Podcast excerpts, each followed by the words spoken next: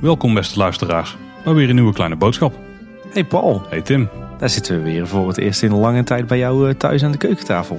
Ja, dit is natuurlijk chronologisch misschien niet het geval voor de luisteraars. Hè? Nee, dat is waar. Dat hebben we weer die eeuwige, puzzel van wanneer nemen we op en wanneer brengen we iets uit. Maar Ja. eh, het, eh, het, het, eh, het is volgens mij voor het eerst in drie maanden dat we weer eens eh, gezellig s'avonds opnemen. Ja, dat zou goed kunnen, ja. En het is alweer veel langer geleden dat ik bij jou in Ja. de woonkamer heb gezeten. Inderdaad, ja. Studio C, B. Ik weet niet welke dit is. Het is eigenlijk Studio A, hier zijn we ooit begonnen toch? Nee, we zijn bij jou begonnen. Oh ja, dat is waar. Ah, dit voelt toch wel een beetje als de thuisbasis van de podcast hoor. Ja, je wordt wel het meest geëdit, dat wel. Precies. Dus dat scheelt dan weer. hey, maar waarom zitten we hier Paul? Ja, we gaan weer eens flink in attractie induiken. Letterlijk en figuurlijk. En dat is weer een tijd geleden, want eigenlijk de enige attractie waar we dat echt mee hebben gedaan, is Symbolica. Ja, dat was inderdaad wel de enige echte dedicated attractieaflevering.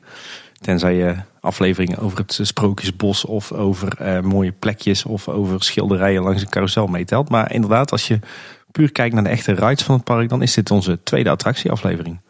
En we gaan het eigenlijk over weer een redelijk recente attractie hebben. Misschien ook wel logisch, want die attra- de attractie waar we het vandaag over gaan hebben, Baron 1898, is natuurlijk pas net nou, een kleine vier jaar open. En daarom ligt denk ik nog het, eh, de bouw en de opening nog vers in het geheugen. En, eh, en ook de analyse die we er destijds op hebben losgelaten toen die attractie net open ging. Ja, en toen ik een beetje ging nadenken over wat ik hierover zou zeggen, toen kwam ik ook wel achter dat het volgen van die bouw en de manier waarop dat toen al werd gecommuniceerd, dat die best wel heeft meegeholpen aan hoe we die attractie ervaren.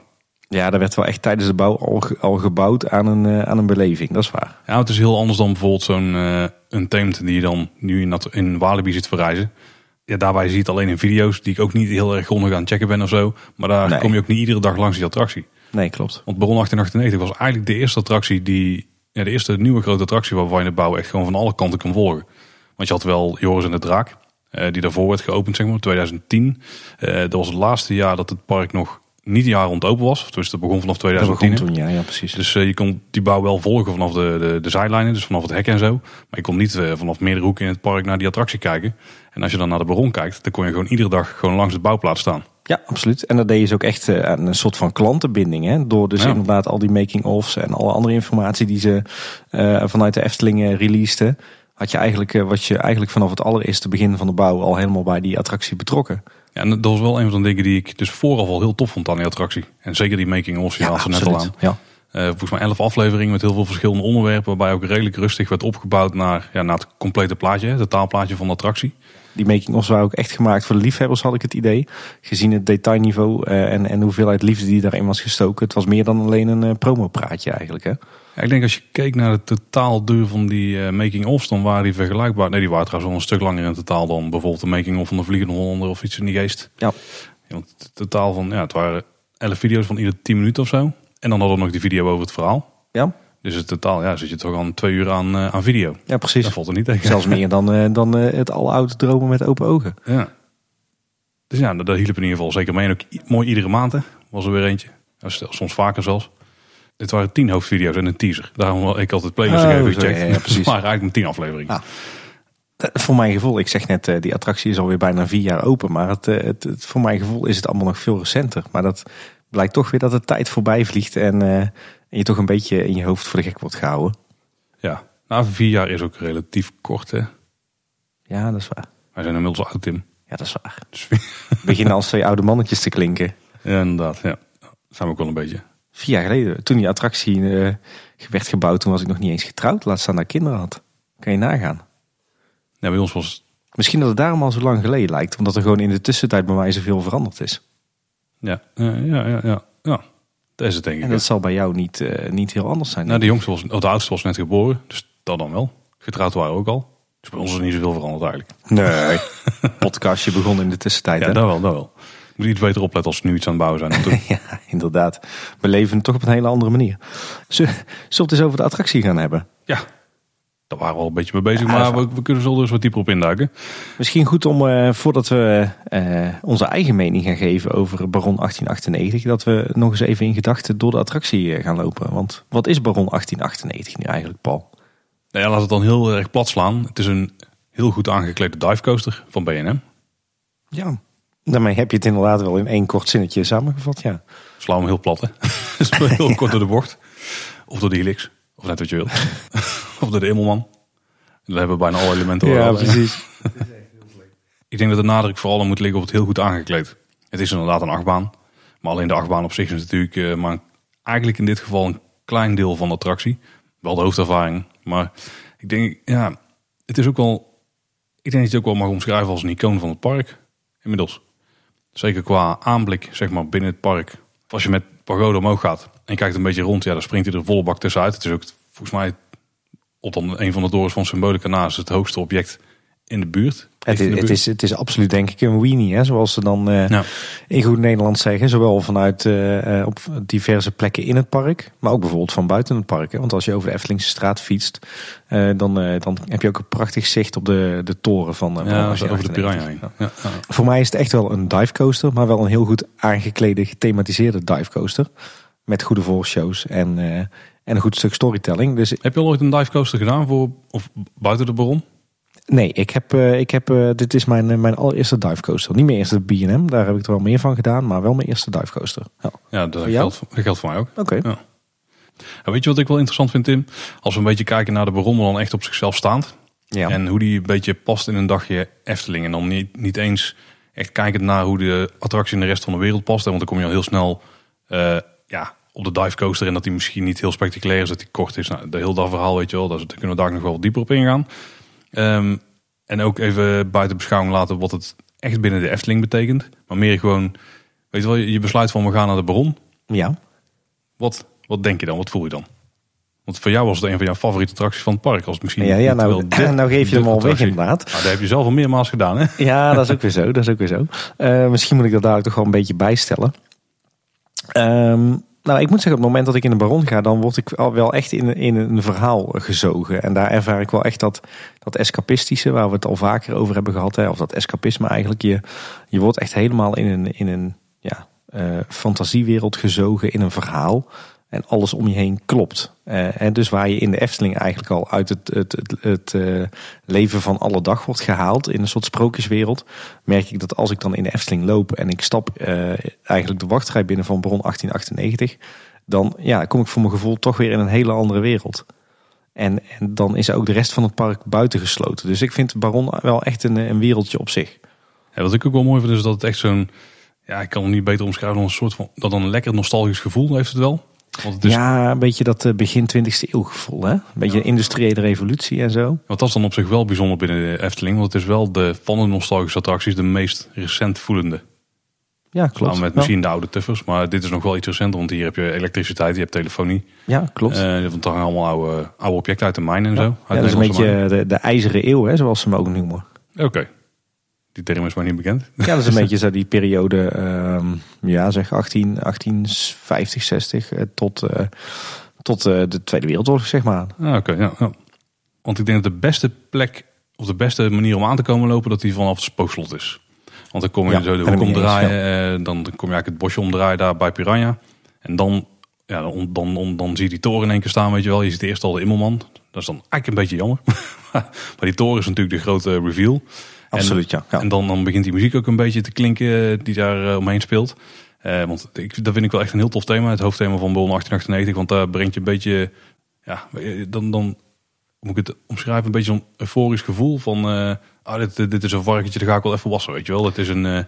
Ja, dat. En ik vind het vooral ook wel een gewaagd stukje muziek in die zin. Hè. Je zou niet snel in een themapark marsmuziek van een fanfare verwachten. Maar hier is, is, die, is dat toch doorgezet eh, in relatie tot de storytelling. Hè. Want mijn Mhm. werker speelde vaak in fanfares. Ik vind het best wel een, een gewaagde stap om dan inderdaad fanfare muziek te gaan draaien. Omdat je die, ja, dat verwacht je niet in een themapark.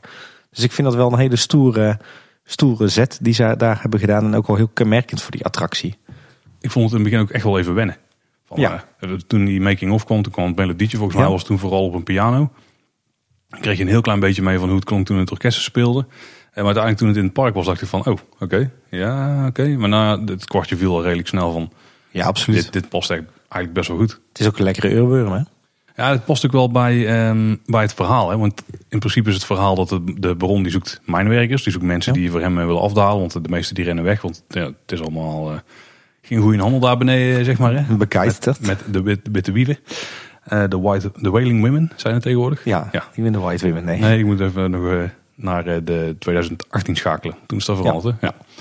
Ja, de, de- hoe ga je mensen binnentrekken? Ja, niet met superspannende muziek, weet je wel. Dan moet het een beetje vrolijk en zo nog zijn buiten. En zodra je binnenkomt, dan blijft het ook nog zo steeds doorgaan. Want dan staat er die platenspeler waar dan de muziek uitkomt. Die mogelijk ook dan de, het geluidssysteem van buiten voedt. Tussen airquotes. Ja. En dan op een gegeven moment wordt het wel wat spannender. Want dan, dan komen die eh Wailing Women, de, de witte wieven komen dan binnen. En die, die verstoren eigenlijk het boeltje. Maar dan de, de baron zegt, nee, maakt niet uit joh. Maar in die ruimte voelt het al iets duisterder, weet je wel. Een beetje zoals de Efteling daar wel. Ja. Nou, ik vind, daar, ik vind eigenlijk in de ruimte daarvoor, dat voorportaal, vind ik de spanning al opbouwen hoor.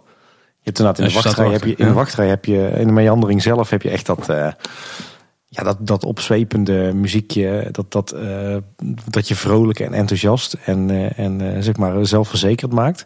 En ik vind in dat voorportaal al dat, dat die al wel spanning begint op te bouwen met die drumsessie. Ja, dat klopt wel, ja. ja, ja. En dan het portaaltje met de, de kleding die daar hangt te drogen. En waar die plaatspeler dus staat, daar is de sfeer, ja, die is er in het begin ook best wel opgewekt door die, door die plaatspeler, zeg maar. En door een beetje het bemoedigende woorden van de baron. Ja. Maar daarna gaat het dus fout en dan ga je naar boven. Nou, de begon eigenlijk eh, redelijk nog zo. Je moet een beetje opschieten en zo. Maar je ziet je, je basis, dat klopt ook nog mooi in het verhaal. En dan, eh, ja, dan wordt dan muziek daar al wel iets actiever, iets meer uptempo. Met die drums inderdaad die je net al noemde, die komen daar wel heel sterk terug. En dan mag je meteen eh, de, de stoelen zitten, of in de stoel gaan zitten. Wat altijd toch wel een beetje gehaast voelt, maar dat past er dan ook wel bij. ja, inderdaad. Dus de, de, de match daar best wel prima. en dan, ja, dan de laatste voorshow ga je naar boven. Dus ik vind de manier waarop de sfeer zich opbouwt, zeg maar, de spanning een beetje. Want we gaan nu heel snel doorheen, maar Ja. wanneer op de spanning eh, zich een beetje ja, op en afbouwt. Is wel heel tof. Er zit echt wel een soort golfbeweging in, zeg maar. Ja, ik moet zeggen dat ik dat, eh dat voorshowtje, wat eigenlijk, eh, of ja, ik weet niet of het een goede term is, maar nadat je het station verlaat, voordat je die Mhm. lift opgaat, dat vind ik wel echt ijzersterk hoor. We zien dat wel op meer plekken in, dat er showtjes in achtbanen zijn ingebouwd. Maar ik vind het hier zowel verhaaltechnisch als ook qua spanningsopbouw echt supergoed in elkaar zitten. Ja, en verre van cheesy. Ja. Ook altijd fijn. Ja. En, en, en het gaat ook absoluut niet vervelen hoe vaak je die attractie doet. Daarvoor is het eh, kort genoeg. Nou, hey, ik vind altijd als ik naar de Baron ga, dat er wel een eh, toch een lichte spanning is dan. Ook al heb je die attractie al tien keer gedaan, weet je wel. Maar er komt vooral het, het valmoment. En Daar, dat is dan toch wel, eh, niet dat ik daar tegen opkijk of zo. Ja. Maar ik weet dat er als een moment, is dat de, de adem bijvoorbeeld eventjes, eh, dan moet ik even goed controleren. Oh nee, dat vind ik, dat is voor mij echt, is, dat is echt puur genieten dat moment. Ik heb altijd... Ja, nee, dat is ook zeker hoor. Maar ik weet dan, ik heb het volgens mij in het begin of zo gehad. En dan was het even van eh verkeerd moment ademhalen. En dan Ja. krijg je zo'n eh, zo'n klap eh, wind in je gezicht. Dan zie je van, oh ja, daar had ik eh, iets anders moeten aanpakken. Maar ik vind, ik, wat ik eigenlijk vooral wil zeggen is dat, ik denk dat de baan qua uitdaging, dus ook als je hem één keer Ja. hebt gedaan, dan weet je dat. Ik denk dat hij precies goed zit. Hij zit op de trail skill, zeg maar. Zit hij zeker niet onderaan, want hij zegt gewoon, Nee, zeker nee, met het begin absoluut. is hij echt niet laf. Maar hij zit ook zeker niet hoog. Nou, nee, ik vind dat je daar wel een verschil moet maken tussen de val en de rest van de achtbaan. Want ik vind dat je dat de val, zeg maar, het, zeker het moment dat je wordt stilgehangen boven dat gat, vind dat de, de trillfactor daar echt wel behoorlijk hoog is hoor. Ja, nee, zeker. Alleen, nou, nou, nou, ik denk dat als je het vergelijkt met andere achtbanen, dat het ook daar nog wel, wel meevalt. Ja, dat is natuurlijk heel subjectief. Hè? Dat hangt er natuurlijk ook vanaf in hoeverre heb jij eh, hoogtevrees of valangst. Of, eh, daar hangt het natuurlijk ook vanaf. Maar ik vind dat best wel een, eh, een pittig momentje hoor. Weet je dat, Ja, dat nee, nee, zeker. Freefall gevoel. In die zin hebben we is Baron 1898 ook een klein beetje een droptoren in de Efteling. Als je dus hebt over die, die lichte spanning van tevoren, zeg maar, die beetje zo'n gevoel van aantrekkelijke uitdaging, zeg maar. Zo, eh, Ja. zo wil ik het zelf omschrijven. Ja. Dan, eh, dan gaat het vooral daarom, ja. Want de rest van de rit is eigenlijk gewoon ontzettend prettig uitrijden. Want volgens mij is de Efteling zelf die term van uitrijden ook wel eens eh, genoemd. Ja, nou ik weet dat veel liefhebbers dat vinden. Maar ik vind het helemaal geen slecht baantje hoor. Op het moment dat je uit die tunnel wordt gesmeten. Ik vind het best wel een lekker, lekker soepel baantje dan hoor. Zeker ook die bunny hop die er nog in zit. ik wil daar nog wel even wat, wat dieper in gaan op de baan. Oké, ja ik ook. Dus dat soort dingen daar bespreken. Overigens, overigens vind ik het juist heel tof bij die, op het moment dat je boven dat gat eh, wordt gehangen. Dan moet je daarvoor wel een soort van eh, ongelimiteerd vertrouwen in de techniek hebben. Maar dat heb ik dan wel in de Efteling. Maar ik vind het dan heerlijk om eh, front te zitten. Liefst helemaal uiterst links of uiterst rechts. En dan volledig ontspannen in je beugel te gaan hangen. Dus niks vastpakken, maar gewoon armen los, benen los. En dan 100% ontspannen. En dan dat gat invallen. Dat is zo'n lekker gevoel. Ja, dat is zeker voor dat. Dat, dat Ja. blijft genieten voor mij. Al denk ik niet dat Frontroom mijn favoriete plek is in de baan. Oh, bij mij wel. Maar, dus ik voel wel een soort van lichte gezonde spanning, zeg maar. Die uitdagende, hoe noemde ik nou? Uitdagende Die, spanning. die, die aantrekkelijke uitdaging. Ja. Eh, en als ik dan uiteindelijk door de attractie heen ben gegaan, dan heb ik ook nooit spijt van dat ik erin ben gegaan. Terwijl ik dat bijvoorbeeld wel had bij de oude Python. Dat ik dacht van, nou ben ik weer in een rammel ding geweest. Ja, ik ja, ik- ik bedoelt. ogen Ik- overgehouden. Ik heb, dat, ik heb dat zelf bijvoorbeeld in Joris en de Draak. Daar heb ik aan de ene kant vind ik dat een heerlijke baan. Maar aan de andere kant, als je dan uiteindelijk in de remsectie eindigt, dan voel je je toch ook weer zo door elkaar geschud en gemangeld. Dat je ergens denkt van, was dit nou goed voor me? dat vind ik dan heerlijk om daaruit Oké. te komen. Ja. Terwijl, terwijl als, ik, als ik inderdaad over die bunnyhop gesmeten word, bo- die, die helix nog even bochtje in en dan eh, in de remmen voor het station van de Baron terechtkom, dan heb ik echt zo'n gevoel van, ah, Ja, dit was goed. Dit was goed. Ja. Nee, de, precies. Zo kom ik ook altijd uit. Ik heb er nog nooit spijt van gehad ik gegaan. ik heb dan eigenlijk altijd zoiets van, nog een ritje. Ja. Ja. En dan het liefste met het overslaan van de voorshows. Maar Daar ben ik het volledig mee oneens. daar had ik ook niet anders verwacht. maar eh, we zullen eens inderdaad helemaal doorspreken. Ja, want eh, eh, we refereerden net al een beetje aan onze oude Symbolica aflevering. Dat, dat was eigenlijk een beetje een, een recensie van de attractie. Ja, en dat wilden we deze keer ook gaan doen. Met als verschil dat we natuurlijk Symbolica eh, na negen maanden beoordeeld hebben. En dat we nu al wat langer eh, de tijd hebben gehad voor eh, ons eindoordeel over Baron 1898. Eh, wie trapt hem af? Jij of ik, Paul? Ja, mag hem aftrappen, Tim. Ja? Ja. Nou, ik, ik heb mijn oordeel over Bron 1898 al een eh, paar keer eerder her en der wegge- weggegeven. Maar ik, ga, ik, ik heb het in de loop der tijd toch nog net wat, eh, wat aangescherpt misschien en wat, wat meer genuanceerd. Ehm, maar eigenlijk mijn oordeel over Bron 1898 is dat, ik, dat dit een attractie is. eh, of de attractie in de Efteling. ehm, die verreweg het meest perfectie benadert van alle attracties van de Efteling. En misschien zou ik wel durven zeggen dat, dat Baron 1898 de enige attractie in de Efteling is die echt neigt naar perfectie. Ik zeg niet dat die, eh, dat die van mij een, een dikke 10 krijgt, maar minstens wel een 9,5. Dus hè, als je nou vraagt van, ehm, is het dan ook je favoriete attractie in de Efteling? Ik heb, eerder heb ik ja gezegd. Ehm, ik denk als ik eh, zelf een lijstje zou gaan maken van wat ik belangrijk vind aan een goede attractie. Hè, dus wat voor mij de items zijn waar een attractie op moet scoren. En ik zou alle attracties van de Efteling onder elkaar zetten en ik zou cijfers gaan geven. Dan denk ik dat Baron 1898 inderdaad als beste attractie van de Efteling eh, eindigt. Voor mij persoonlijk. Aan de andere kant denk ik als ik dan eh, ook kijk naar een stukje gevoel en een stukje nostalgie en een stukje emotie. Dan denk ik dat, eh, dat Baron 1898 het niet wint van klassiekers als Fata Morgana en Villa Volta. Daar hou ik dan toch echt nog wel een beetje meer van. Als je attracties als Sprookjesbos, Lavelaar, Carouselpaleis gaat meetellen, dan, dan eindigen die ook hoog. Maar als je gewoon puur eh, rationeel kijkt naar van wat, wat is voor mij nou echt een goede pretparkattractie, dan zou Baron 1898 absoluut eh, bovenaan eindigen. Eh, ik zeg 9,5. Dat betekent dat, ik, dat misschien niet alles eh 100% perfect is. Eh, maar daar wil ik nog wel even op terugkomen dadelijk. Maar misschien is het goed om uit te leggen waarom ik dus vind dat het eh, de attractie is die neigt naar perfectie in de Efteling. Ik heb eigenlijk een, eh, ik heb die punten die wat mij betreft belangrijk zijn, heb ik even op een rijtje gezet. Eh, dus die kunnen we wel even langslopen. Eh, ja, om, om in de basis te beginnen. het attractietype, een dive coaster. Eh, daar hoor je wel eens kritiek op. Maar ja, ik vind het persoonlijk een hele goede keuze. Ik denk dat het een, hele, een heel spectaculair type attractie en type achtbaan is. Juist vanwege die val. Waarmee je eigenlijk achtbaan en droptoren combineert, die ervaringen.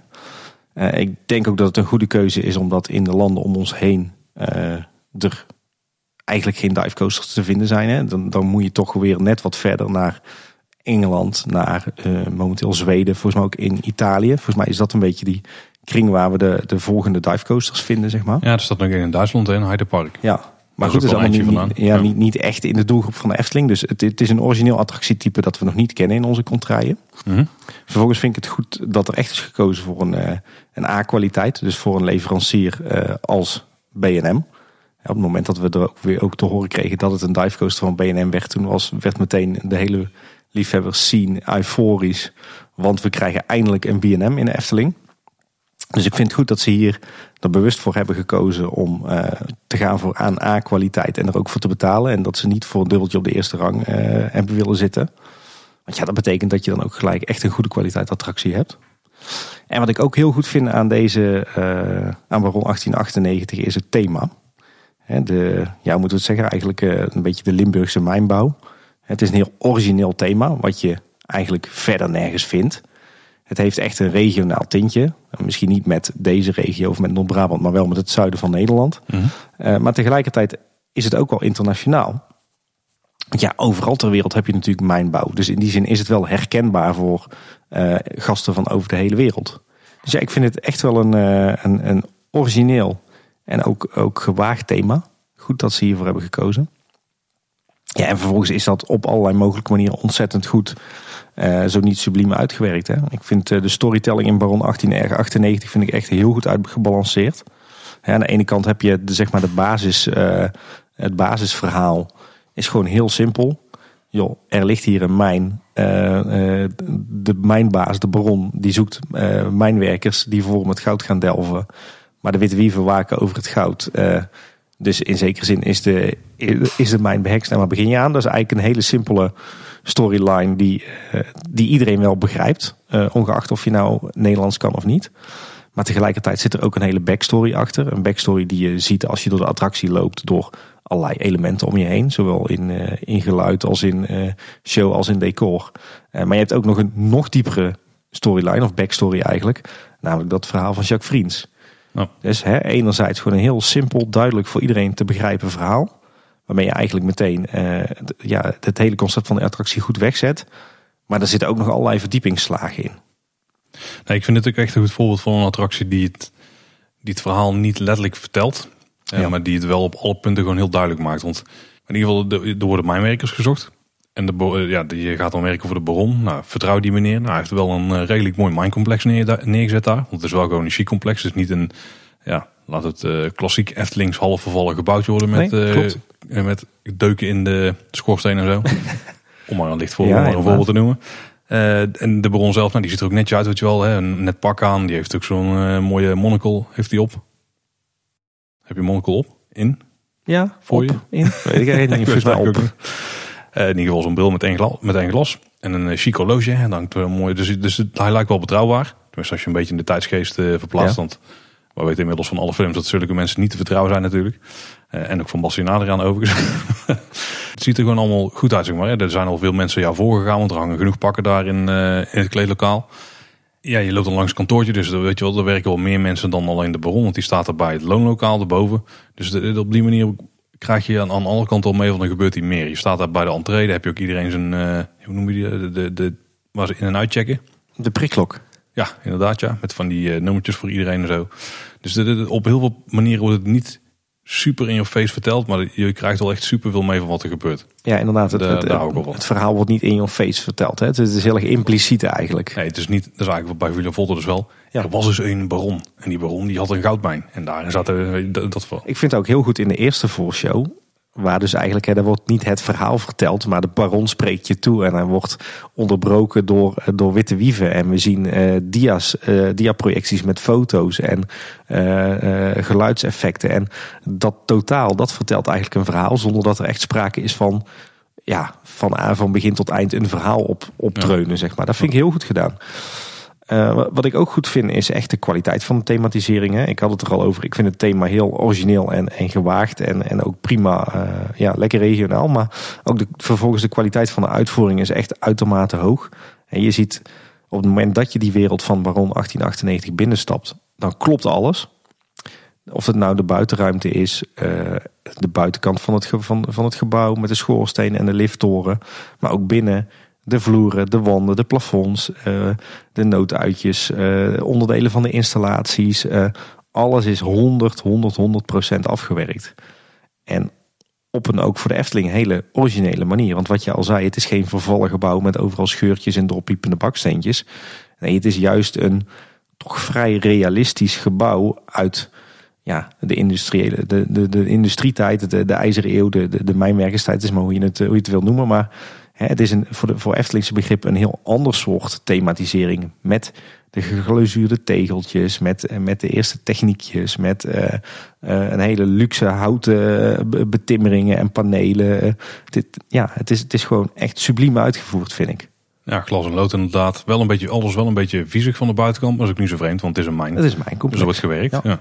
Ja. dat, dat is gewoon echt, ik vind echt op thematisering is hier echt gewoon, dat is gewoon een dikke tien. Daar valt echt niks op af te dingen. Ja, nee, helemaal mee eens. Ik vind het ook mooi dat het gebouw is niet zo'n klassieke, klassiek station blokkendoos, zeg maar. Het is wel echt gewoon een...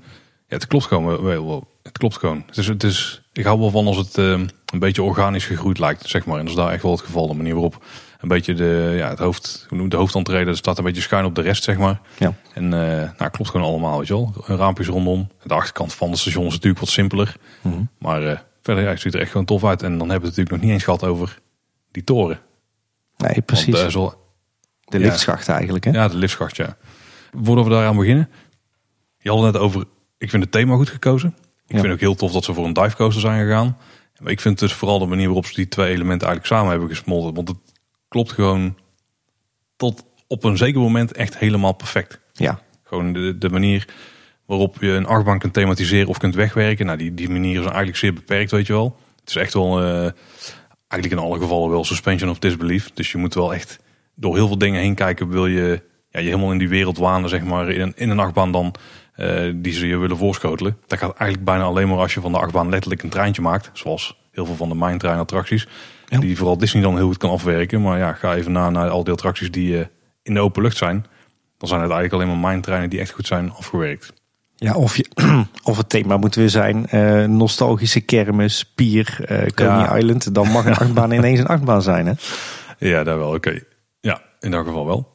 Overigens, overigens vind ik dat nooit zo'n issue hoor. Ik weet dat het voor heel veel pretparken en themaparkliefhebbers wel een issue is. Maar voor mij mag een achtbaan best een achtbaan zijn. Nee, maar als het gaat om de escapisme, dan wil je dat het zo realistisch mogelijk is weggewerkt in het geheel, zeg maar. En ik vind dat ze de, dat dit misschien wel buiten dus alle mijntrein of gewoon treintjes achtbanen, dit Ja. misschien wel het beste voorbeeld is. En daarmee ook een heel origineel voorbeeld van hoe je dat anders kunt doen.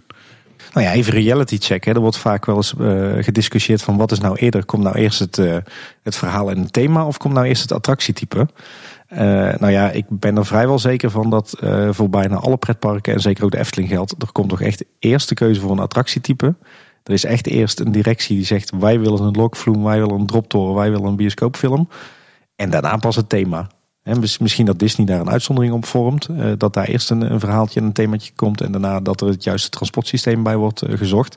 Maar ik heb niet de illusie dat dat in de Efteling ook zo is. Daar heeft gewoon iemand op een gegeven moment gezegd.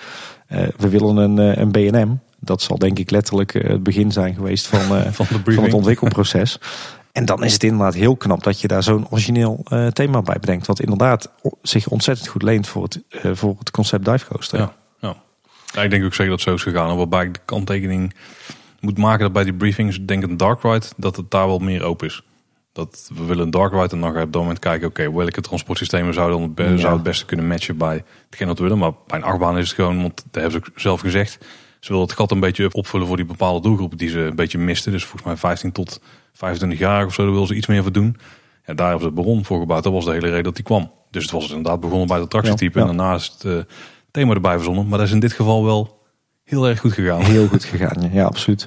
Eh, je had het overigens ook over het gebouw. Ik wil het misschien nog wel iets sterker aanzetten. Eh, voor mij is het, eh, het gebouw, of eigenlijk het ensemble, zoals het dan mooi heet, het gebouwde ensemble van Baron 1898, is misschien wel het mooiste gebouw wat er in de Efteling staat. Nou, van de grote gebouwen denk ik dat het wel heel eind klopt, ja. Fata Morgana exterieur is mooi, maar als je daar een rondje omheen loopt, dan valt het al redelijk snel eh, door de mand. Ja, ik denk inderdaad als je, als je een puur rationele afwerking, afweging gaat maken, dat, eh, dat Baron 1898 echt wel een van de mooiste gebouwen van de Efteling is. Eh, en waarom? Ehm, het is een heel realistisch gebouw eigenlijk. Hè? Heel, Ja. veel, heel veel gebouwen in de Efteling zijn echt fantasiebouwseltjes. Maar dit is gewoon super realistisch. Dit had gewoon echt kunnen staan in Limburg of in de Ardennen. Dit, dit heeft, natuurlijk heeft het ook wat sprookjesachtige elementen. Maar voor 99% is dit gewoon een heel realistisch gebouw. Ja, waarmee je niet wil zeggen dat een realistisch gebouw betekent dat het per definitie in één keer een heel goed gebouw is of zo. Nee, natuurlijk niet. Maar Nee, ik vind het wel, ik vind het wel knap dat er, dat, er, dat er in de Efteling, hè, dat het niet zomaar een fantasiebouwseltje is. Want dan hoef je met veel minder dingen rekening te houden. Hè. In dit geval is er ook echt gekozen voor een afwijkende stijl. Voor een industrieel complex uit eh, begin 20e eeuw of eind 19e eeuw. Eh, een beetje Jugendstilachtige kenmerken. Hè. En dat is echt super goed doorgezet. Ze hebben een beetje van zo'n, ja, dat heet de chalet-stijl. Eh, dat is ook weer onderdeel van de Jugendstil. En dat zit er gewoon heel goed in. Als voor de, in die zin zou het misschien beter, nog beter in een openluchtmuseum passen dan in de Efteling. Omdat het gewoon qua stijl zo goed is doorgevoerd. Hè, het, ik vind het is ook heel rijk gedecoreerd. Het, het is ook heel gedetailleerd. Het lijkt echt wel alsof dat er op het gebouw niks is bezuinigd. Nee, nee, nee. En het is wat je ook al zei, het is heel gevarieerd. Hè? Het is niet één, één blokkendoos. Nee, het zijn allemaal gebouwtjes die, die weer anders van vorm zijn, anders ten opzichte van elkaar staan. Je hebt natuurlijk inderdaad die, die liftschacht, maar je hebt ook uh, de schoorsteen. Uh, en zo is het een heel mooi ensemble van gebouwen. Ja, je hebt verschillende type daken. Dus je hebt een, het, een beetje meer het ronde dak, meer het fabrieksdak uh, wat boven het station zit. Dan heb je het meer het puntdak wat dan weer boven het kleedlokaal zit. Ja. En wat, wat ik heel tof vind is dat het ook weer gewoon een attractie is waarbij je door de voordeur naar binnen gaat. Ja, door de logische plek. Het klopt allemaal. En, en wat ik ook goed vind is bouwkundig klopt het ook gewoon het hele, uh, het hele uh, complex. Het is, zit bouwkundig ook gewoon heel goed in elkaar. Qua detaillering Hoe bedoel je en, dat? en qua stijlen. Nou, het, het is een gebouw wat ook daadwerkelijk destijds zo gebouwd had kunnen worden. Dus de aansluitingen, de, de loodslabben, de leidjes, de, de, de, de, de bouwkundige details, de manier waarop de, het hout oversteekt met de boeiborden. En het klopt gewoon. En dat Ja, is wel goed, want er staan heel veel bouwseltjes in de Efteling. En ook natuurlijk in andere attracties en themaparken. Maar eigenlijk gewoon bouwkundig gezien. Hè? De ballen, eh ja, eigenlijk helemaal niks van klopt, zeg maar. Wat vind je dan van de, eh, van de toevoeging van de bagagerek aan de buitenkant? Want die zijn dan een beetje jammer misschien ten opzichte van het geel. Dat vind ik eh, inderdaad jammer. Dat is een van de weinige smetten op het blazoen. Aan de andere kant snap ik het wel. Omdat natuurlijk dat hele bagageproces op het station enorm frustrerend werkte voor de capaciteit. Ja. En dan vind ik van alle mogelijke oplossingen dit misschien wel de minst slechte. Ja, eigenlijk de enige die echt paste, denk ik. Want je moet, Ja. je moet aan de ene kant er, langs je kunnen moet als je erin gaat. En aan de andere kant als je eruit gaat, anders werkt het niet. Nee, kijk, ze hebben het natuurlijk in eerste instantie heel leuk geprobeerd met die kluisjeswand. eh, iets verderop. En dat werkt misschien wel in Amerikaanse parken. Maar in een Nederlands park werkt dat gewoon niet. Ja, daar niet alleen, maar ook de capaciteit daarvan is veel te beperkt. Ja, Want dan, volgens mij hebben ze nu net zoveel vakken als dat daar klaasjes staan. En daarmee kunnen ze net, zeg maar, de, de, de Ja, nou, ja. drie, drie ploegen. Ik weet Ja. niet precies hoe je het moet doen in, in deze context. Die binnen staan kun je er net mee bedienen. Ja, voor die 100 minuten wachtrij die er de eerste maanden stond. Ja, dan ga je dat niet redden met een kluisje of eh, 50. nee. nee en, en nog een detail. Je had natuurlijk ook volgens mij een muntje nodig. Dat is natuurlijk ook altijd onhandig. Mhm. Eh, en ja, als je dan 100 minuten in de wachtrij staat, dan is het natuurlijk wel fijn als je een flesje water hebt. eh, of een paraplu, of je telefoon, of je portemonnee. En dat is natuurlijk ook niet handig als je dat eh, van tevoren moet afstaan. Weet, weet je wat ik trouwens ook ontzettend goed vind aan het gebouw van Baron 1898? Dat ga je me nu vertellen, denk ik. Nou, ja. nou ga ik wel een beetje nerden. Ik weet niet of dat mag. Dat mag absoluut. nou, nou, ga- nou duiken we mijn wereld in. Ik vind het heel interessant om, om naar te kijken, eh, om, om te kijken naar gebouwen in attractieparken. En wat je vaak ziet bij attracties, eh, is dat het 9 van de 10 keer is het een loods of een hal met een geveltje er tegenaan geplakt. Ja. Dat vind ik meestal verschrikkelijk. Je, hebt echt een loods met een geveltje ervoor, zoals we die kennen in de Walt Disney Studios. Maar in principe is Droomvlucht is daar ook een voorbeeld van. En Mhm. daar staat de gevel net iets verder voor de loods. Ik vind dat, ja, ik vind dat, Nou, inmiddels is uh, Droomvlucht best aardig aangekleed. ja klopt. Inderdaad, ik heb het over de, de voormalige. Droomvlucht. Ja. Daar kan je natuurlijk ook heel goed aanpakken. Hè. Kijk naar, naar Mystic Manor of een Phantom Manor, waar dat je in het eh, publieksgebied een, eh, een, een ja, eigenlijk beperkt gebouw hebt staan wat rondom rond is gethematiseerd. En vervolgens word je achter de schermen geleid waar die hal staat waar je niks van ziet. Prima. Ehm, het wordt al een stuk beter op het moment dat je een gebouw, een attractiegebouw gaat krijgen wat gewoon rondom rond eh, volop gethematiseerd is. Eh, denk aan de Vliegende Hollander, denk aan de Fata Morgana. Ehm, maar vaak zie je dan toch nog van ja, het is, het is toch nog een loods of een hal waar geveltjes tegenaan geplakt zijn. Symbolica heeft dat ook wel. Symbolica heeft dat ook wel, zeker met die, ja, die torens die er eigenlijk Ja, op, het dak zweven. Zeg De maar. achterkant eigenlijk vooral. Hè?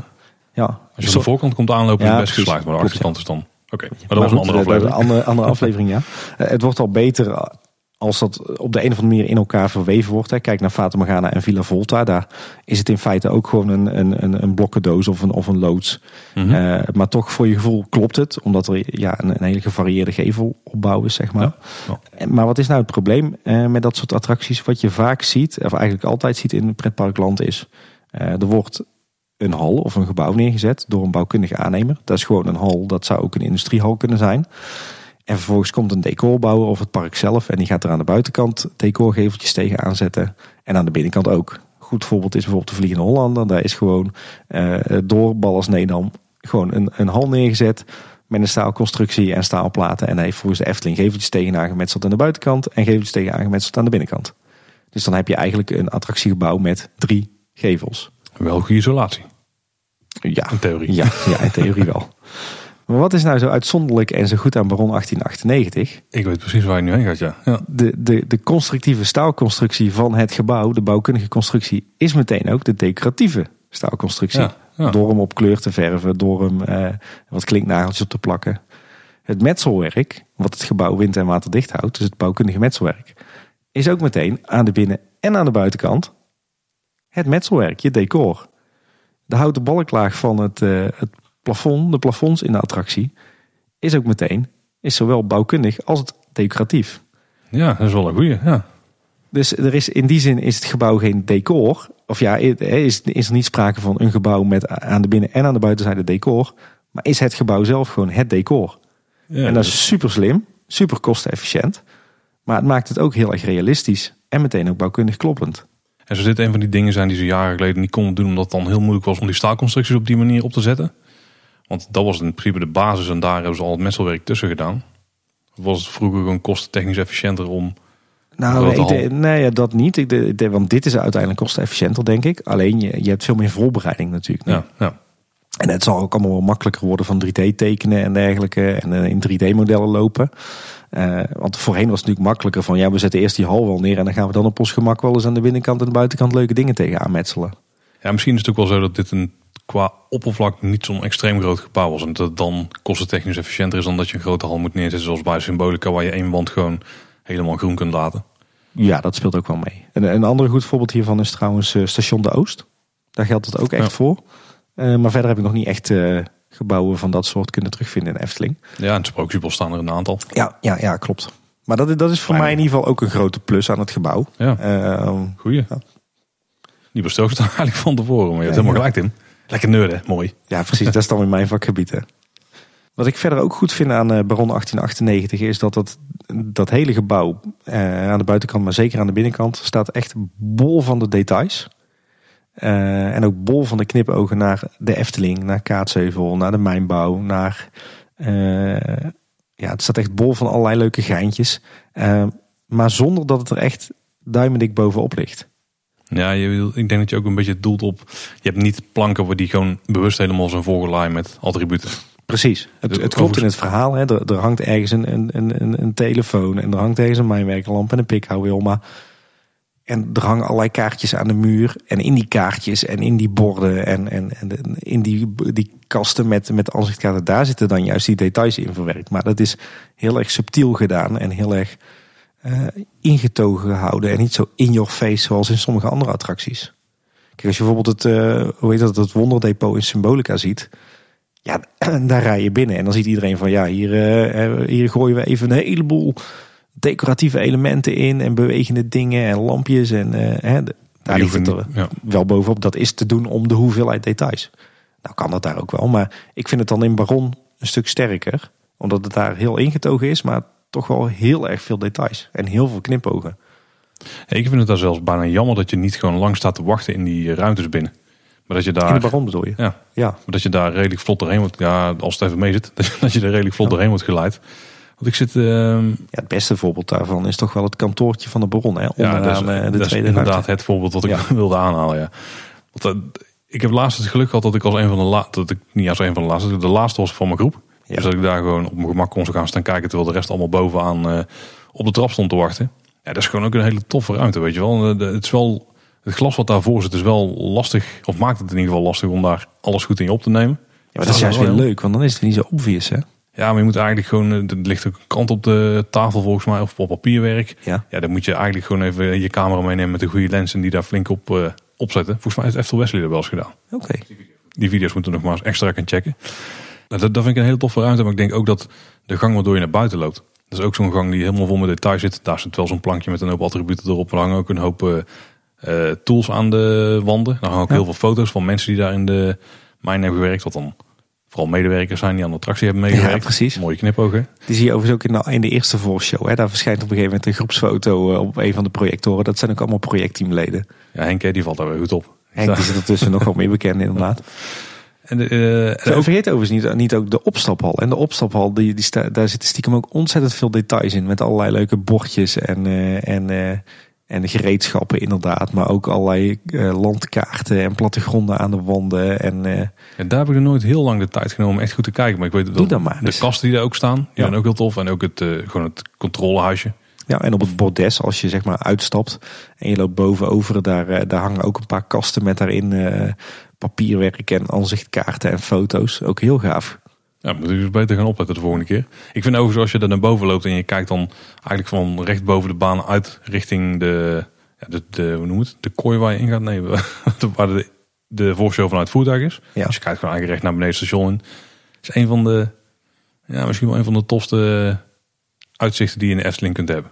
Absoluut. Sowieso een van de beste opstapstations in de Efteling en ik denk ook wel wereldwijd. Ja, dat zou ik wel eens kunnen, ja. ja. Weet je, weet je wat ik de daar sowieso ja, hij wedijvert in ieder geval wel met het station van de Vliegende Holland. Nou, zeker. Maar weet je wat ik daar ook zo goed vind in de opstaphal? Die, eh, de, de soundscape die daar hangt. Dus niet zozeer de soundtrack, maar wel al die geluiden, die eh, rinkelende telefoons die, eh, die je toch een Ja. beetje zenuwachtig maken. Volgens mij het getik van een typemachine. Ja, dat is echt super tof. Een hoop gesis. dat is daar ook heel goed gedaan. Daar kan ik het alleen maar mee eens zijn, Tim. En ook die, want die hebben een tijdje niet gewerkt volgens mij, maar die ehm tandwielen die er allemaal hangen en die, eh, die, die Ja, eh, riem aangedreven raderen en zo. Ja. Ook echt super tof detail. En ja dat, de- dat zit ook allemaal aan elkaar verbonden. En dat zit weer aan die stoommachine in de, zeg maar, de pre-show van Ja, de precies, ride zelf. Ik vind, ik vind ook de effecten trouwens heel goed hoor. Die iedere keer als, eh, zowel in de voorshow als in die pre-show van de ride, iedere keer als zo'n wit wief tevoorschijn komt, dan komt die ook echt uit een of ander eh, nippeltje of een lekkage in een, eh, in een stoomleiding. En dan heb je daar zowel rook als de projectie. Ja, super gaaf gedaan. ja, en inderdaad, bij de eerste voorshow komen ze uit het klepje, hè, want daar Ja. eh, van buiten, zeg maar. Ja, vliegen ze echt inderdaad. Technisch hij binnen. niet van, komt hij niet van buiten, denk ik, aan die wand. Zou dat net kunnen? Zit net in de hoekje Ja. daar boven die bagage. eh, Zou inderdaad net kunnen.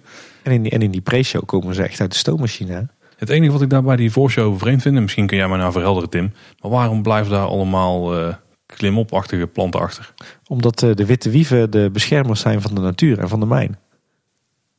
Natuur en de mijn. Ze konden niet kiezen of zo. Ja, nou ja, in ieder geval, er, er, zit, er zit in het verhaal iets van zij beschermen eh, de natuur. Dus vandaar inderdaad Dus de überhaupt- die ze achterlaten. Ja, oké. Dan moeten ze gewoon een keer door de mijn heen vliegen en die vol met planten zetten. Was dat dan niet praktischer? Misschien eh, dan groeit de, de ingang ook dicht en zo. Ja, zit er wat in. Als het, Goeie die tip. tactiek hebben ze niet helemaal Nee, goed uitgedacht. nee. Misschien, moeten ze eens bij de NC-groeven gaan kijken in Maastricht. Daar eh, hebben ze ook ervaring mee. Die hebben ze gewoon dichtgegooid, toch? Nou ja, die sluit binnenkort en dan eh, wordt het gewoon overgeleverd aan de natuur. Oké. Maar goed, en meer naar Mergo graven, niet naar goud. Dus daar hebben we het nou niet over. En geen witte wieven voor zover we weten daar. Hmm, durf ik mijn handen niet Dus voor eigenlijk te de, de witte wieven gewoon in de, in de gemeenteraad moeten gaan zitten. Dan was het ook vanzelf geregeld. Ja, daar zitten zat witte wieven in de gemeenteraad hoor. Niveau het niet beter. Tim, maar gaan we gaan verder. Ja, precies. Eh, eh, daarover gesproken, over natuurmonumenten. Wat ik ook goed vind aan Baron 1898 is eh, de landscaping. Ik vind ook dat ze daar echt ontzettend veel zorg en aandacht aan hebben besteed. Net zo goed als dat er een heel, voor de Efteling en voor de hele wereld van het themapark, een uniek gebouw staat. Vind ik dat daar ook een hele unieke buitenruimte wordt geschapen. Echt een beetje dat, ja, dat Limburgse mijnlandschap. Hè? Veel naaldbomen, eh, een beetje ruig. eh, ja, Ik vind er voor een groot deel vind ik het heel geslaagd inderdaad. Vooral het stuk rondom de toren. En eigenlijk het pleintje wat daar ontstaat, zeg maar, en de planten daaromheen. Ik ben ook heel benieuwd hoe dat eruit gaat zien over een jaar of zes. Als het wat meer aan Ja. is gegroeid. Vergelijk met pannendromen. Daar hebben ze Ja. toen ook, eh was in het begin ook een stuk kaler dan nu. Dat is wel het idee. Lijkt me ook heel tof als de baan daar wat dichter langs eh naaldbomen en zo gaat. Ik denk Ja. dat dat wel mee gaat vallen. Ook het, het paadje wat er zo omheen loopt, vind ik, eh, vind ik tof. En zeker die brug waar je dan overheen gaat. ja allemaal heel, heel chic gedaan. Ook mooie, mooie verlichting, mooie Ja, armaturen. zeker. Ja, ja. Ook, de, ook zeker aan het gebouw zelf. Het zien Ja. die er ook heel goed uit. Ja, daar is echt overal super veel zorg aan besteed Nou, hoor. Op één puntje na. En dat is het vijvertje wat daar bij de helix ligt. Dat vind ik zo'n zo'n vreemd onkruid eh, stukje. Dat is een beetje ruige natuur. Hè. Dat is een beetje die overgang tussen eh, de natuur van, eh, of de landscaping van Baron 1898 en de Gondoletta-vijver. Ja, dan hadden ze misschien aan de ene kant van het pad iets meer bron 1898 moeten houden dan aan de andere kant. het, het mag al wat ruiger hoor, daar ben ik mee eens. Zodra daar gemaaid is met de bosmaaier, dan ziet het er wel een beetje kaal uit. Ja, is meer dat als je kijkt rondom de wachtrij, want daar hebben we het niet eens over gehad nog, het buitenstuk. ja dat, die bedoelde ik hè, ook bij de landscaping. Dat hoort Ja, ja zeker. Maar da- daar, ziet- daar ziet het dus allemaal goed uit, zeg maar. Dat is echt het, eh, ja, een beetje naaldbomen met die, die wagens die er staan met die boomstammen erop. En dan tegenwoordig Ja. die hutten om een beetje te schuilen. Eh, heel tof. Alleen dan net daarnaast ligt eigenlijk dat vijvertje. En dat is dan een beetje zo'n zo'n treurig Ja. stukje. Maar dat is ook Ja. echt het enige van het geheel, vind ik. hoor. Ik vind, het, eh, ik vind dat er buiten gewoon veel zorg aan is besteed. Eigenlijk aan alles. Hè. Aan, Ja, aan nee, de buitenruimte, aan het gebouw, aan de buitenkant, aan de binnenkant, aan de, de show-effecten, aan de muziek. eh. Je ik trouwens ook vind? We, we hebben het wel gehad eh, met name over eh, de marsmuziek. Maar ik vind juist hoe duisterder die muziek wordt in de attractie, hoe gaver en hoe beter dat die is. De het muziekstuk van Bron 1898 is echt een van mijn favoriete muziekstukken in de Efteling. Zeker die momenten dat het dus echt eh, heel donker wordt en dat die witte wieven tevoorschijn komen en dat gezang van Anneke van Giersbergen. Ja, ik krijg dan echt wel kippenvel hoor. Het is volgens mij ook dat rondom de attractie vooral die marsmuziek speelt. Maar als je dan de wachtrij ingaat, dan wisselen ze die af met die wat duistere muziek. Dus dan word je al een beetje voorbereid op hetgene wat gaat komen. Zo. Ja, en, en dat is sowieso, hè, je, hebt het al gehad over de zichtlijn op de toren, maar net als ook de, op het moment dat je buiten staat bij die tunnel, die mist die daar uit die, uit die tunnelmond komt en dat gezang van de witte wieven. En als je dan ook nog eens daar s'avonds bent en er staat wat verlichting op en zeker ook als het wat kouder en natter is, dan wordt het zo'n enorme mistwolk daar. Ja, dat is zo'n sinistere sfeer. Echt heerlijk. En als er dan een trein doorheen gaat, dan wordt die mooi aangezogen. Dan wordt hij eruit geduwd. Maar dan komt er Ja. eh, verlichting vanuit die tunnels, witte verlichting. Ja, dan is het ook net alsof dat ja. er echt witte wieven uit die tunnel vliegen. In de tunnel waar goud zit. Wat Ja. je waarschijnlijk niet heel vaak hebt gezien. Nee, tenzij dat eh, de mistmachines het niet doen, dan zie je het wel. Ja, dat ziet er redelijk goed. Ja, maar je gaat er wel heel snel voorbij natuurlijk. Ja, maar als er geen mist hangt, dan zie je het wel hoor. Ja, als je een beetje oplet. Ja, en die balken die daar Als je verdacht laag interne hangen. processor eh, goed werkt. Snel genoeg is. Ja. Precies. Maar ja, ja, wat mij betreft, eh, ik kan het eh, niet vaak genoeg zeggen. Ja, deze attractie eh, die neigt echt naar perfectie. Nou, dan wil ik nog één van die perfecte stukken aanhalen. En dat was ook een van de mooie momenten, vond ik, tijdens de bouw. Die toren werd opgeze- opgesteld. Er werden eerst al natuurlijk tekeningen uitgebracht. Want de eerste tekening was al van die, van die lifttoren. Ja, ja. En daar zat zo'n grote wiel op. En iedereen die zei, ja, nee, die gaan niet draaien. Dat is gewoon decoratie, weet je wel. Dat hangt daar gewoon. En toen werden ze gebouwd. En toen, ja, toen zag je ook dat die buitenrand, dat daar naad in zat en zo. En die zat allemaal te perfect in het midden. Toen dacht iedereen, nee, nou jammer, dat gaat hem niet worden. Maar toen hebben ze een, een redelijk geslaagde illusie uitgehaald. Dat de binnenkant van die wielen namelijk wel kan draaien. En dat die dan ook gaan draaien op het moment dat die wagens naar boven gaan. Dat ze daarboven staan, dat dan de bel eh, gaat luiden van... Ja. eh, nou, je bent er, jullie zijn klaar om af te dalen. En dan eh knikker je naar beneden. Maar heel het setje zeg maar van... Er komt de voet, of die, die raden, ja, de, de wielen gaan draaien. Het voertuig gaat omhoog. Die bel die slaat. Eh, in de, de, daar hangt ook nog zo'n lamp bij, weet je wel. Die dan Ja. als het donker is ook nog eh, brandt en zo. Dat is echt wel...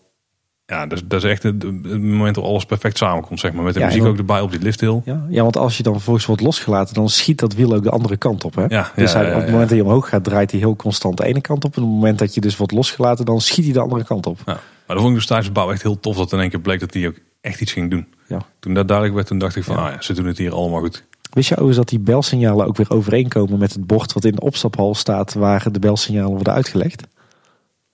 Wow, dat moet je, die moet je even Oh, ja. uitleggen? Nee, ik denk het dus niet. Nou ja, in de, in de, volgens mij zeg ik weet niet 100% zeker, maar ik denk het wel. In de opstaphal hangt een bordje waar, waarop belsignalen worden uitge, uitgelegd. Oh, dus dat staat ja, ja. één keer kort, twee keer lang betekent. Nou ja, et cetera. Ik kan het even niet uit mijn hoofd eh, vertellen. Maar dat komt er dan weer overeen met de belsignalen die dus daadwerkelijk boven de toren worden gebruikt. Nou, tof. Super gaaf, ja, toch? Ja. ja, zeker. Overigens over die, eh, die bouwtekening, of die, eigenlijk die eerste impressie eh, gesproken. Ik weet nog dat ik die zag, zag en dat ik dacht van ja, dit is leuk, maar dit gaat het niet worden hoor. Weet je, ze gaan, ze gaan echt geen eh, fabriekschoorsteen bouwen. En die, die liftschacht die zal heus niet zo rijk gedecoreerd zijn. En dat gebouw ook niet. En ah, ze gaan echt niet zoveel zorgen besteden aan die buitenruimte. En waar Rempel, het is gewoon echt gewoon bijna tot in perfectie uitgevoerd. Hè. Ja, een paar details is net iets anders inderdaad. Maar ja, is ergens een echt- bootje niet of zo, maar eh, goed. Ja, en, en volgens mij een, een raampje, een dak of zo niet. Ja. Maar goed, verder, ja, het is gewoon super tof dat Ja. uiteindelijk die eerste impressietekening gewoon bijna volledig is uitgevoerd. Ja. Die bouw die heeft echt wel bijgedragen aan hoe ik het nu in het geheel ervaar. Ja, absoluut. Daar heeft alleen maar meer respect op geleverd voor het geheel. Ja, en ik denk dat Baron 1898 van A tot Z de lat voor de Efteling echt gewoon extreem hoog heeft gelegd. Hè? Qua storytelling, qua thematisering. Ja, Ik moet zeggen dat ze die, die lijn van thematisering wel hebben volgehouden richting symbolica. Qua storytelling is een ander verhaal. Ik denk dat we daar met z'n allen wel eens over kunnen zijn. En ook qua detaillering. Symbolica is wel even gedetailleerd, maar is dan misschien weer net wat meer over de top. Ik vind dat in die zin. ja wat daar misschien speelt is dat het een echte fantasiewereld is. Omdat er Ja. bij Baron 1898 niet is en daardoor staat iets dichterbij, waardoor je het ook wel makkelijker kunt. eh nou, niet makkelijker. Je kunt het dan allemaal verantwoorden dat er is, want je weet Ja. dat het in de echte wereld er ook is. Ja, je weet hoe er in symboliek aan toe gaat. Hè? Ja, dat is waar. Nou, nou je dat zegt, ik denk wel dat Baron 1898 de historisch meest correcte af- eh, attractie van de Efteling is. Ja, de, ja, dat zal best kunnen kloppen. Ja.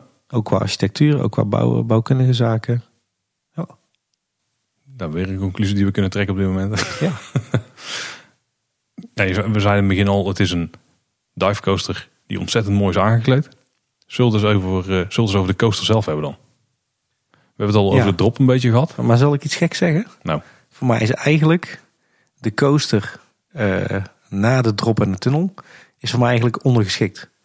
Die, die vind, vind ik zelf vind ik die eigenlijk best wel aardig. Ik weet dat dat, dat de mening is die niet iedereen deelt. Maar voor mij is dat het minst belangrijke deel van de attractie. Eigenlijk vind ik het, eh, het moment dat je de wachtrij instapt tot en met de tunnel, dat is voor mij de kern van de attractie. Ja, ik denk dat er ook wel stukjes waarbij, wat ik net in het begin vertelde, weet je wel, de suspension of disbelief. Tot het moment dat je die tunnel in gaat, dan klopt het echt gewoon helemaal 100%. Nou, daarna ga je eruit, dan Daarna is gewoon een achtbaan. is het een beetje, ja, Ja. dan gaat het niet echt meer over. Dan is het moeilijk om, eh, om er nog doorheen te kijken. Maar ik vind de achtbaan zelf vind ik ook echt wel tof hoor. Ja, Gewoon, kijk ook. eh, en, en ik vind dat hij er ook echt wel bij hoort. Ik, ik, dan vraag ik me ook af, Tim, voelt het voor jou als een grote attractie of niet? Want dat valt voor mij namelijk al mee. Het voelt, dat klinkt heel vreemd, maar het voelt bijna als een soort Villa Volta. Qua formaat Ja. attractie. Ja, Ja, dat, dat, klinkt heel dat is stom. geen belediging. Nee, ik snap, ik snap wat jij bedoelt. Dat heeft denk ik te maken met de ritduur of zo, of de lengte van de achtbaan.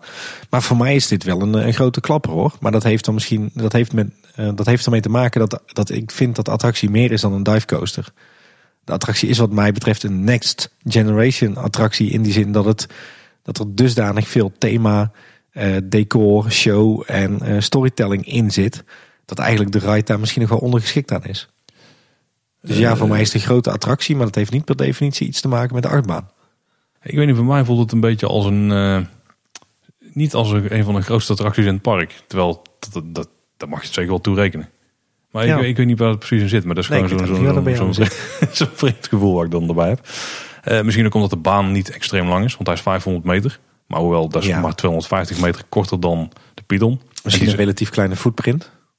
Ja, kijk, ik, wil- het is 250 meter minder dan de Python. En die is ook een stuk minder efficiënt opgezet. Want die Ja. eh lifthill is een stuk, eh sta, of een stuk minder stijl. Eh, er zit nog een bocht voor de lifthill. Er zit ook een bocht bovenaan voor, de, voor de drop, zeg maar. Dus dan mis je al ja, ten opzichte van de Baron ook weer. Dat was wat zijn, een, een meter of 80 aan track. Nou, wel meer, denk. Misschien Ja. wel 100. 100. Dan scheelt het eigenlijk maar 100 meter of 150 meter aan effectieve track. Ja, ja dat betreft doet de Baron het... Voelt hij dan... Ja, ik weet niet. Het voelt toch net wat dat betreft kort. Maar dat vind ik ook geen probleem hoor. Dus het gaat wat jij zegt, het gaat inderdaad om die drop. Maar Ja, ja, en ik kijk, ben het op zich wel met je eens. Daarna is het gewoon een lekker baantje, weet je wel. Het is gewoon een lekker soepele B&M. ja, nog steeds je- ook wel soepel. Ja, Valt me ook op. heerlijk geluid hè, als die karretjes over de rails soeven. Ja, zeker. Ja, ja, mijn favoriete element is gewoon die bunny hop die, er, eh, die erin zit. Vlak voor het ja einde. ik denk het wel. Oh, Ja. Lekker. Maar sowieso bunny hops in achtbanen, heerlijk. Ik vind die Zero G roll, dat vind ik denk ik wel een van de minder. Als in, daar had ik meer van verwacht, zeg maar. Echt een ge- gewichtloos eh, momentje, dat heb je daar niet. Ligt Nee. misschien ook wel aan de plek waar je zit in, de, in het voertuig. Ja, ik vind de- die nooit zo comfortabel, die, eh, de Zero G rolls. Ik vind denk de Immelman vind ik misschien nog wel het tofste. Maar dat is gewoon omdat Ja. je er zo, zo soepel doorheen gaat. Je hebt, je hebt Ja. al bijna niet door dat je er doorheen bent en dan ben je er al doorheen, zeg maar. Eigenlijk is, is het, het gedeelte achtbaan na de tunnel is gewoon een lekker extraatje. Ja. ja, want eh, als je kijkt naar Oblivion, wat dan de eerste dive coaster was ter wereld volgens mij. Die heeft niet eens meer elementen. Dan ga je echt gewoon naar beneden. Dan maak je volgens mij nog een bochtje. En dat was het dan wel. Dan ben je weer in het station. Dat geluid, Paul. Dat geluid van die achtbaan. Als je naar Zo beneden gaat. lekker. Ja, gewoon dat soeven van die karretjes. Oh, ja, oh. Ja, meestal wel overstemd door mensen die allemaal lopen te schreeuwen. Maar, maar ik, ik vind de baan zelf, ja, ik vind hem heel tof. Dus eh, nog even kort dan resume. Je valt naar beneden. Nou, dan misschien nog wel iets eerder beginnen. Je begint in in het station. Dan krijg je eerst het voorshowtje. Dus ook de plek waar ze de treinen kunnen uitrangeren. Want die Ja, kunnen daar links, eh, overigens een goed gethematiseerde wand ook. Ja. Kunnen ze ze wegschuiven. En dan ga je heel vlot naar boven. Klopt. Dat is, vind ik niet heel erg, want het gaat uiteindelijk om de baan. Maar dat voelt wel alsof het ritje wat korter duurt daar ook. Nou, maar ik vind, die, ik wel vind die liftervaring vind ik op zich ook nog wel spectaculair. Juist omdat je zo eh, enorm wordt opgetoerd naar boven toe. Ja, ik vind het ook heel tof hoor. Nou, dan ga je natuurlijk naar boven. Dan word je even stilgehouden. Dat maakt het dan voor een divecoaster uniek. Want er zijn wel meer achtbanen die recht naar beneden gaan. Maar niet met het eh, stilhangmoment ervoor.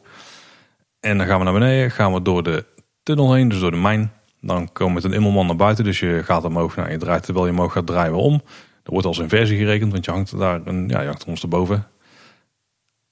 Zie je net kijken? Ja, ik ben jou heel aandachtig aan het, uh, aan het, luisteren. Want dit is, uh, of aanhoren. Want is volgens mij meer jouw expertise dan mijn expertise. Ik ben absoluut geen achtbaningsspeler. Dat is meer dan ik volgens mij zo te horen. Ja, daarna ga je even naar beneden en ga je weer omhoog voor een zero G-roll.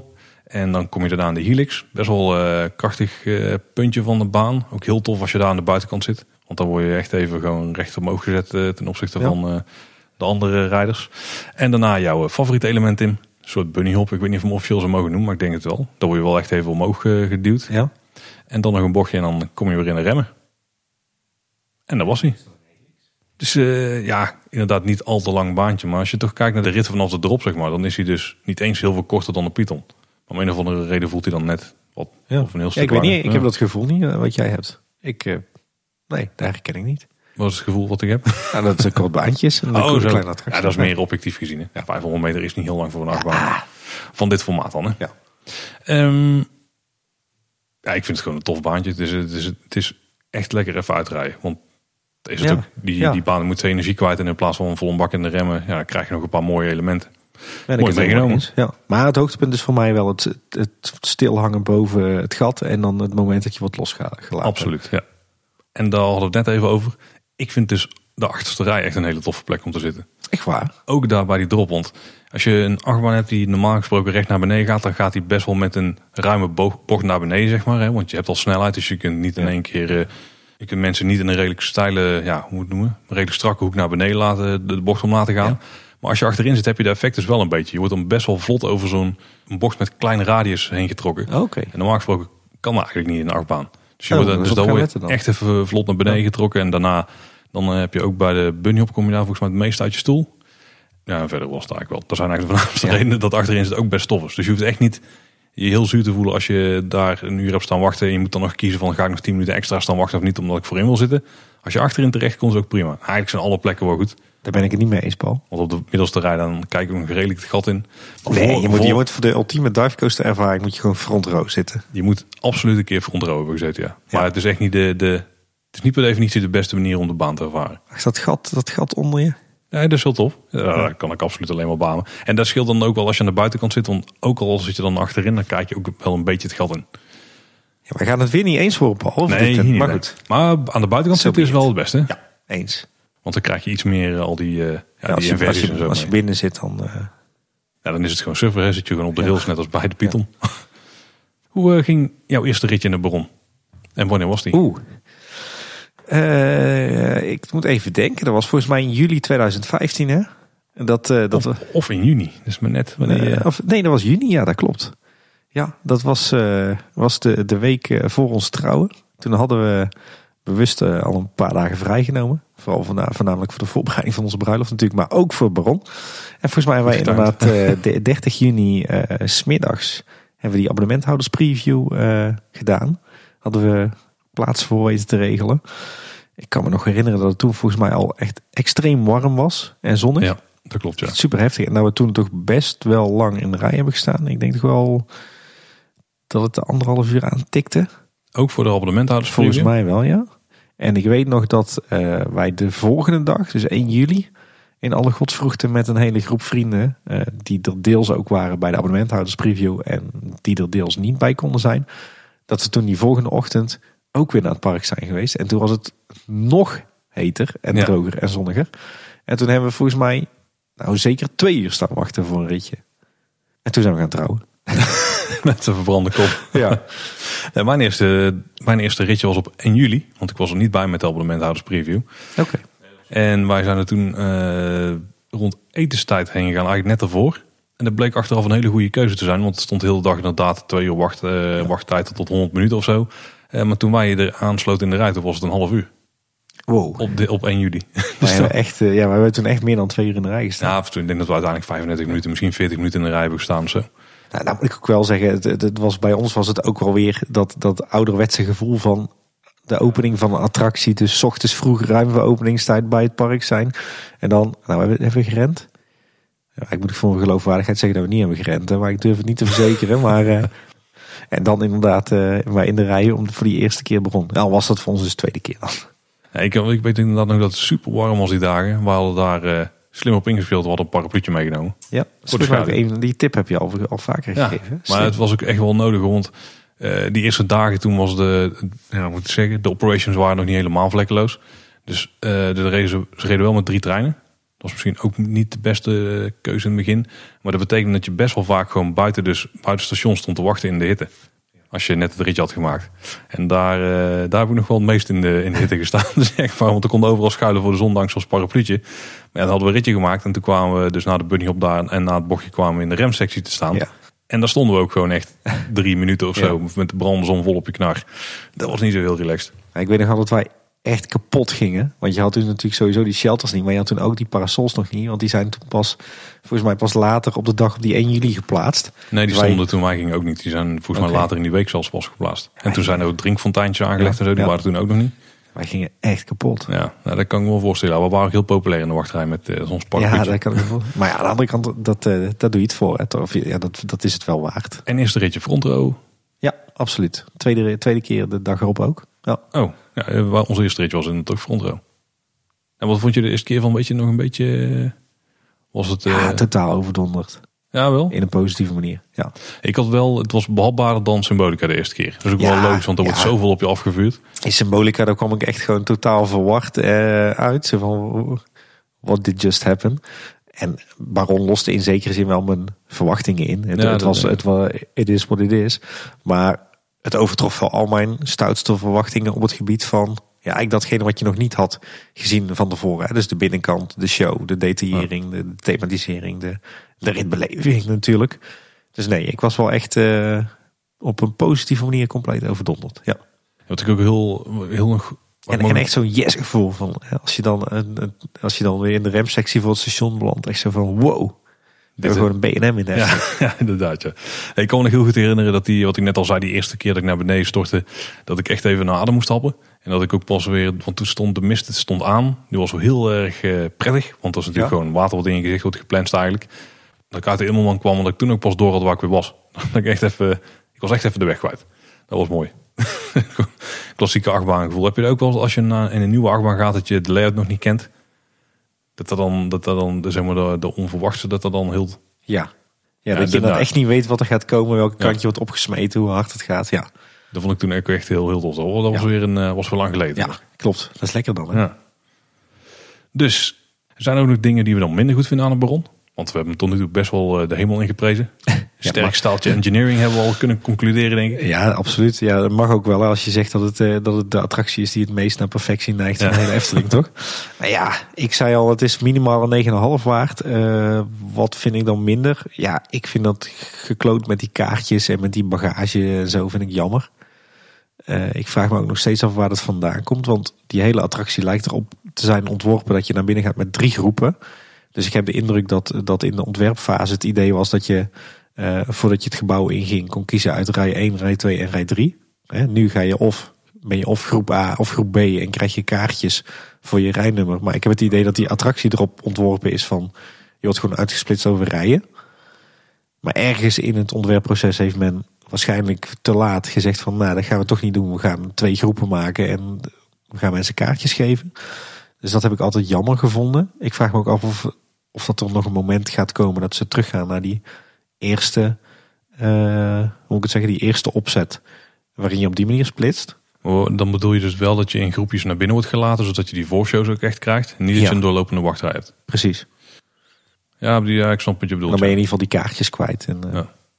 ja. op zich zouden ze, ja, dat gaat trouwens niet werken. Omdat die attractie daar in, bij het loonlokaal, die attractie, omdat die animatronic daar bij het loonlokaal staat en die vertelt iets tegen je.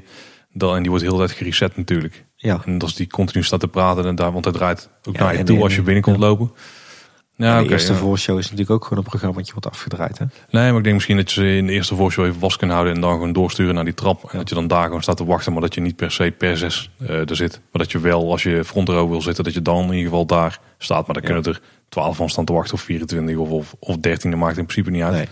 Als maar continu genoeg volk is om die, om die uh, baan vol te stoppen. Want dan heb je in ieder geval de kans misschien ook om meer in het lokaaltje daar beneden te kijken, in het kantoortje. Ja, ja ik vraag me ook af waarom ze het zo hebben gedaan. Hoor. Waarom ze uiteindelijk voor twee ploegen hebben gekozen en, uh, En niet gewoon voor een uitsplitsing per rij. Ja, ja. Geen idee. Dat Geen is mij altijd een raadsel gebleven. Hm. Dus ja, dat, dat gerommel een beetje. Ehm, ja, en ik ben niet zo fan van de animatronic van de Baron. Nee, dat klopt. Daar had ik ook meer van verwacht van tevoren. Dat is dan eh, qua letdown is dan misschien nog wel de grootste. En dan durf ik best te zeggen dat ik denk dat de animatronic veel beter was geweest als ze hem niet heel duur hadden besteld bij Garner Holt, maar als ze hem gewoon in eigen beheer hadden gemaakt. Hmm.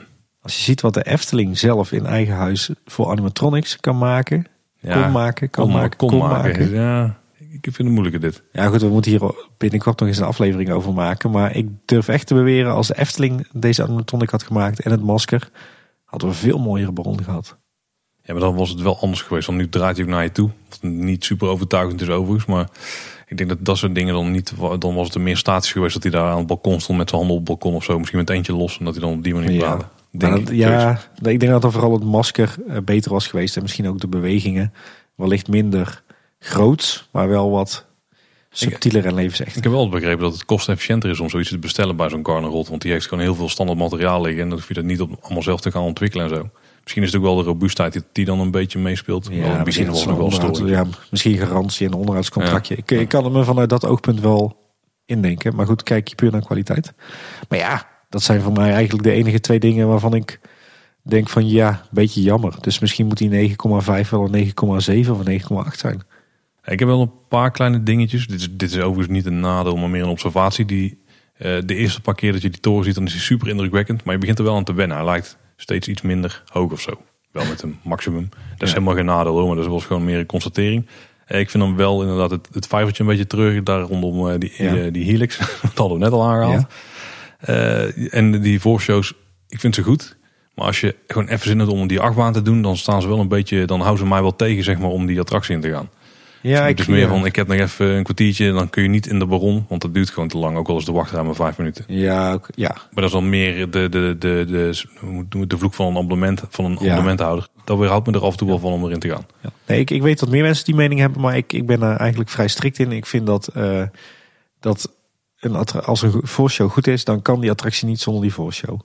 Dus dat geldt voor mij voor Villa Volta, dat geldt voor mij voor Baron 1898, geldt voor mij ook voor Symbolica. Ik zou die niet willen doen zonder voorshow, omdat dan gewoon het, het plaatje niet compleet is. En ik denk dat ze kort en onderhoudend genoeg zijn en dat er ook genoeg te zien is om eh, toch die herhaalwaarde vast te houden. Ja, ik moet zeggen dat de operations een stuk vlekkeloos lopen de laatste tijd. En dan Ja. sta je dat niet heel lang te wachten in die eerste twee eh, ruimtes. Want dat gebeurde vroeger nog wel eens. Ja. Dan stond je daar gewoon echt zes, zeven, acht minuten te wachten of zo. Kon je wel al die mooie kaartjes langs de wanden bekijken. Hè? Dat wel, daar heb ik ook ja. absoluut toen tijd aan besteed. Maar daarna was het een keer door de, door de rit heen. Toen moest ik snel naar buiten. Dus wat er allemaal daar bij de uitgang is, Ja. dat weet ik allemaal niet. hè. Weet je wat gaaf zou zijn? Je hebt natuurlijk bij eh, Disney heb je die Imagineering boeken, hè? Ja. waarin attracties echt volledig uitgekoud worden met alle details en geintjes en verhalen erachter. Ik denk dat Baron 1898 van alle Efteling attracties zich wel het meest leent voor zo'n Imagineering boek. Ja, dan zouden ze de herkomst van al die attributen ook nog mooi kunnen opzommen en zo. Ja, en gewoon echt mooie, al die borden die er hangen en al die tekeningen en plattegronden in, in groot formaat erin. Al die details die we nog niet kennen. Dit eh, gaat me weer 50 euro kosten. Maar daar moeten ze wel aan beginnen natuurlijk. Ik, eh, ik, ik zou er ook zo eh, 50 euro voor neertellen, ja. Klinkt heel goed, ja. ja top. Dus afdeling merchandise. Ja, ik denk dat je uiteindelijk ook nog meer waardering voor die attractie kweekt. Want dan zie je in één keer hoeveel, ja, hoeveel, hoeveel ja, pijn en moeite wil ik zeggen, maar dat is het natuurlijk niet. Hoeveel liefde erin is gestoken. Ja. Ja, absoluut. hey Paul, samenvattend in een paar zinnen. Baron 1898. Schout. ja, dat was. Goed. Ja, dan valt het misschien wel het beste samen. Ja, ik vind het inderdaad gewoon een hele toffe attractie. Ja, ik denk dat die attractie echt wordt gemaakt door de sfeer die er hangt en de consistentie van de mate waarin details worden toegepast. Of waarin details te vinden zijn in de attractie, zeg maar. En eh, zeker wat jij zei, het is het, het thema met de achtbaan. De manier waarop ze die eigenlijk hebben samengesmolten. Dan toch in de metaaltermen moeten je bent blijven. goed bezig. Ja, dat is echt gewoon, het, het klopt gewoon. Laat daarop houden, het klopt gewoon. Ja. Net als goudhaler. ja. En eh, voor jou Tim? ja, Baron 1898. Een sublieme attractie. Benadert voor mij echt perfectie. Rationeel gezien beste attractie in de Efteling. Legt de lat qua storytelling en thematisering voor de Efteling enorm hoog. Maar legt denk ik wereldwijd voor de hele themapark en pretparken business de lat ook enorm hoog. Wat betreft thematisering van eh, achtbanen. Wat mij betreft ook echt een next generation eh, ja, achtbaan imagineering zou je kunnen zeggen. Dus nee, dit is gewoon uh, subliem. En super origineel. Echt. Ik ben zeer positief over deze attractie. Dat lijkt me mooi om je af te sluiten. Wil je mening zelf over Bron 1898 laten weten? Nou, dan kun je naar ons toesturen op heel veel verschillende manieren. Bijvoorbeeld via Twitter, daar zijn we Boodschap. Ja, op uh, Facebook en Instagram zijn we Kleine Boodschap. En je kunt ook altijd via de website een contactformuliertje invullen. Of je kunt ons gewoon mailen via info.kleineboodschap.com. Uh, en kleineboodschap.com is ook de website dan natuurlijk. Ja. Wat we ook al tof vinden is als je een reviewtje kan achterlaten in Apple Podcasts. En, uh, en wij benaderen natuurlijk ook perfectie met onze podcast hè. ja, maar misschien op een iets minder hoog niveau dan dat de Baron ja, precies. Nou, dat was weer voor deze week. Tot de volgende keer en houdoe. Kluk af. Moeten we wel klassiek afsluiten, Tim? Houdoe, wacht.